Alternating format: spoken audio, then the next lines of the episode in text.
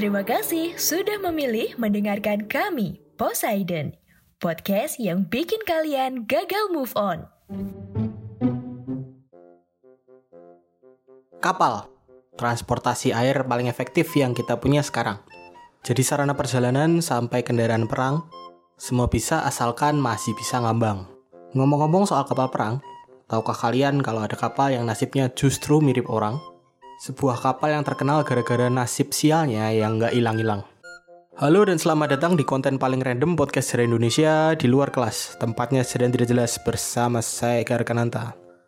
Terakhir kali di luar kelas bahas Perang Dunia Kedua, yang kita bahas adalah beruang ya. Beruang Halodik pasukan Polandia. Bisa didengerin ya judulnya adalah uh, Wojtek Beruang Berseragam Idamanmu. Kalau belum pernah dengerin ya silahkan. Lucu kok. Jadi kita kembali membahas Perang Dunia Kedua kali ini. Tapi khususnya bagian kocaknya aja ya, karena bagian serius ini tuh udah dibahas sama konten lain sampai habis-habisan. Dan di luar kelas ini bukan konten serius ya, jadi uh, silahkan didengarkan sambil beraktivitas, sambil santai, sambil kerja, senyamannya kalian lah, yang penting didengarkan ya. Kali ini kita akan membahas sebuah kapal yang entah kenapa selalu diliputi oleh awan masalah. Dilihat dari kesialan demi kesialan yang selalu dialaminya selama aktif bertugas. USS William D. Porter atau juga dikenal dengan julukannya Willie D adalah sebuah kapal destroyer atau kapal perang jenis perusak ya miliknya Amerika Serikat.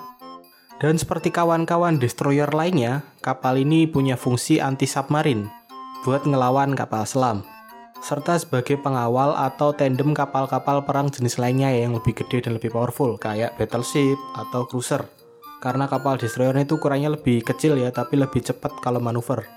Jadi kalau ibarat kriminal, battleship ini lebih kayak tukang pukul yang kuat diajak berantem. Sementara destroyer itu lebih mirip jambret yang mengandalkan kecepatan untuk mendapatkan keuntungan. USS William D. Porter ini tuh dibuat dan diresmikan tahun 1942. Peresmian tepatnya adalah tanggal 27 September 1942.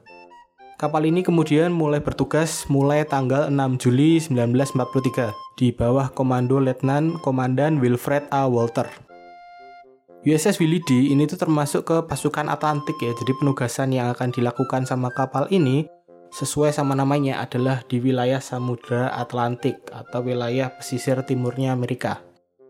Pada bulan Juli 1943, kapal ini akhirnya mendapatkan penugasan pertamanya, yaitu untuk ikut mengawal USS Iowa menyeberangi Samudra Atlantik menuju wilayah Afrika Utara ya, bersama dengan dua kapal destroyer lainnya. Jadi ring-iringan kapal ini isinya nanti uh, tiga kapal destroyer yang salah satunya ini Willie D, yang bertugas untuk mengawal dan menjaga sebuah kapal battleship USS Iowa yang pada saat itu membawa sebuah paket rahasia yang bisa merubah jalannya Perang Dunia Kedua. Tapi sangat disayangkan karena misi pertamanya USS William D. Porter ini juga merupakan awal dari berbagai kesialan yang akan dialaminya. Jadi rombongan kapal itu berangkat dari pangkalan Angkatan Laut Norfolk di Virginia tanggal 12 November 1943 di saat Willie D ini tuh baru mau berangkat dari Norfolk ini ya baru mau melaut ini baru mau jalan jangkar kapalnya ini tuh nggak sengaja ngerusakin kapal lain di dekatnya jadi jangkarnya Willie D itu belum kegulung naik penuh tapi kapalnya udah jalan jadi jangkarnya tuh nyangkut di kapal lain yang lagi parkir ya ketarik dong soalnya kapalnya jalan kan sobek Jadi bagian pagar pembatas sama bagian penyimpanan sekoci kapal yang parkir ini tuh rusak. Ini tuh baru hari pertama ya, baru mau berangkat loh, udah kayak gitu. Sudah mendapatkan insiden. Untungnya di sisa hari pertama ini tuh nggak ada hal-hal aneh lain yang terjadi ya. 13 November 1943, besoknya hari kedua ya. Kapal kocak ini tuh nggak sengaja ngejatuhin depth charge atau bom yang buat ngelawan kapal selam tuh ya dan bikin panik kapal-kapal yang lain. Dikiranya kan mereka tuh diserang sama U-boat ya pasukan kapal selamnya Jerman gitu. Apalagi mereka kan lagi misi rahasia, kalau ketahuan musuh kan mah tambah masalah kan. Ternyata ternyata cuma kelakuannya Willy D lagi. Ini kasihan banget loh Willy D ini di hari yang sama, di hari kedua ini. Setelah mereka tuh bikin rombongannya panik, Willy D ini tuh keterjang ombak besar ya yang bikin salah satu mesin mereka ini tuh rusak dan bikin seorang awak kru mereka tuh hilang di bawah ombak ya. Meninggal satu hari kedua. tanggal 14 November 1943. USS Iowa ini tuh mulai ngelakuin drill ya latihan gitu biar pada siap kalau misalnya ada pertempuran beneran. Eh, mereka tuh ngelepasin balon-balon udara ya, yang buat dijadiin target sama senjata anti aircraft atau anti pesawat mereka. Dan waktu latihan ini USS William D. Porter ya kapal kesayangan kita ini tuh ngide. Mereka tuh mulai nembakin torpedo ke arah USS Iowa. Niatnya tuh buat latihan ya jadi yang ditembakin tuh uh, torpedonya primernya udah dilepas, jadi nggak bakal meledak kalau kena. Masalahnya adalah ada satu kru yang teledor dan lupa melepaskan salah satu primer di torpedo yang diluncurkan tadi. Jadi di antara banyak torpedo latihan yang diluncurkan ini ada satu yang beneran bisa meledak. Langsung panik lah seisi kapal ya. Awak kapal Willy Dean itu kemudian mencoba menghubungi kapal USS Iowa ya pakai sinyal lampu. Karena uh, ini misi rahasia jadi nggak boleh pakai radio buat alasan keamanan ya biar nggak dibajak sama Jerman. Masalahnya adalah sinyal lampu yang diberikan ini tuh juga salah. Jadi bukannya minta langsung ke USS Iowa buat hindarin torpedo bilang kalau ada torpedo gitu sinyal yang dikirim tuh justru isinya cuma arahan buat USS Iowa ini buat pindah haluan. Saking paniknya akhirnya kaptennya USS William D. Porter itu memutuskan untuk melanggar aturan ya dan menghubungi langsung USS Iowa dengan radio. Untungnya battleship ini tuh tanggap dan berhasil meledakkan torpedo ini tuh dari jauh ya. Sekarang mari kita ingat lagi kenapa USS Iowa ini tuh butuh dikawal. Benar sekali. Karena USS Iowa ini tuh membawa sebuah paket rahasia tadi yang bisa ngerubah jalannya perang dunia kedua. Kira-kira apakah itu? Kenapa penting sekali?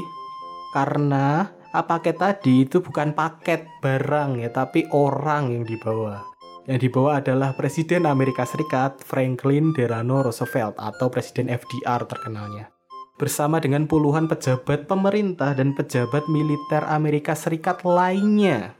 Jadi rencananya konvoi kapal ini tuh ngebawa rombongan orang-orang pejabat penting ini buat ketemu sama pemimpinnya Inggris dan Uni Soviet di Teheran, Iran ya. Pertemuan ini tuh kita kenal sebagai Teheran Conference yang hasilnya adalah serangan bersama Inggris dan Amerika ke baratnya Eropa yang bikin Jerman akhirnya harus ngelawan dari dua sisi, ngelawan dari barat Amerika sama Inggris sama dari timur ngelawan Soviet. Jadi digencet dari dua arah dan itulah yang akhirnya bikin Jerman kalah. Bayangkan kalau ini semua hampir tidak terjadi gara-gara ada seorang yang ngeluncurin torpedo aktif buat latihan. Udah dong marah lah, jelas USS Iowa sama kapal-kapal lain tuh marah ya. Dan Willy Dean itu ditodong sama semua meriam yang mereka punya gitu. Atas tuduhan percobaan pembunuhan ya, soalnya ada presiden. Setelah itu, ya semua awak krunya William D. Porter ini tuh ditangkap ya dan menghadapi pengadilan militer di Bermuda. Dalam sejarah Angkatan Lautnya Amerika Serikat, ini tuh adalah pertama kalinya seluruh anggota kapal Amerika sendiri ini tuh harus ditangkap ya. Eh, kemudian salah satu pengurus torpedo namanya Lawton Dawson ini tuh kemudian mengakui kecerobohannya ya. Dan Lawton itu dihukum kerja sosial selama 14 tahun. Dan semua awak kru yang lain itu dipecat. Tapi untungnya untungnya loh ya hukuman untuk semua awak kapal ini tuh dibatalkan ya sama Presiden FDR karena insiden ini tuh dianggap sebagai uh, ketidaksengajaan. Anda hampir tidak sengaja mati loh pak. Hampir mati Anda masih baik loh, masih bisa baik dia. Setelah diselamatkan oleh Presiden, USS William D. Porter ini tuh kemudian dipindah tugaskan ke pasukan Pasifik ya. Buat ngelawan Jepang karena di Atlantik dia ngelawan pasukan sendiri ternyata udah pada males ya teman-temannya yang lain ya diusir dia Willy Dini tuh akhirnya dikirim ke Kepulauan Elliot di Alaska ya buat ngambil supply sama buat perbaikan. Di sana kapal ini tidak lupa melakukan kebiasaannya yaitu bikin masalah. Kali ini dengan tidak sengaja menembakkan meriam artileri mereka ke salah satu halaman rumah komandan di sana di Pasifik sebenarnya performa kapal ini tuh cukup bagus ya karena mereka sempat bertugas di Pasifik Utara di tahun 1944 terus mereka akhirnya pindah ke Filipina di awal tahun 1945 sampai akhirnya mereka ikut ke penyerangan besar di Jepang di akhir bulan Maret 1945. USS William D. Porter ini bertugas di sekitaran Laut Okinawa ya, umumnya sebagai uh, kapal anti pesawat dan juga anti kapal selam serta buat ngelindungin kapal-kapal kecil lainnya kayak Minesweeper ya kapal yang buat ngeledakin ranjau gitu. Di lautan Okinawa inilah USS Willie D akhirnya menemui kesialan terakhirnya. 10 Juni 1945 jam 8.15 pagi. Sebuah pesawat kamikaze ini tuh meluncur ke arah USS Willie D ya. Pesawat penuh bom ini tuh untungnya bisa dihindari dengan tipis. Tapi ya kita tahu sendiri ya sialnya kapal itu nggak ada habisnya jadi bom ini tuh akhirnya malah ke bawah arus dan meledak persis di bawah badan kapalnya USS Willie D. Dan setelah melalui berbagai kerusakan dan kebakaran yang ditimbulkan, tiga jam kemudian USS William D. Porter akhirnya tenggelam. Ajaibnya adalah semua kru kapal ini tuh selamat dan nggak ada satupun awak kapal yang sampai cedera berat. Jadi walaupun dengan berbagai kesialan dan masalah yang ditimbulkannya, kayaknya sampai akhir kapal ini tuh masih sayang ya sama semua anggota krunya. Oke, itulah akhir dari pembahasan kita kali ini. Tentang kisah sebuah kapal perang yang dilanda masalah bertubi-tubi, tapi malah jatuhnya komedi. Pesan yang bisa kita ambil dari episode kali ini adalah uh, masalah yang datang nggak perlu selalu dibawa emosi ya ambil aja hikmahnya sebagai bahan motivasi asik lah Terima kasih sudah mendengarkan. Kepoin juga Instagram at podcast underscore Indonesia atau ke Instagram pribadi saya di at roti kecap. Jika ada kesalahan, saya mohon maaf sebesar-besarnya. Saya Eka Arkananta pamit. Sampai bertemu di konten Poseidon lainnya. Bye-bye.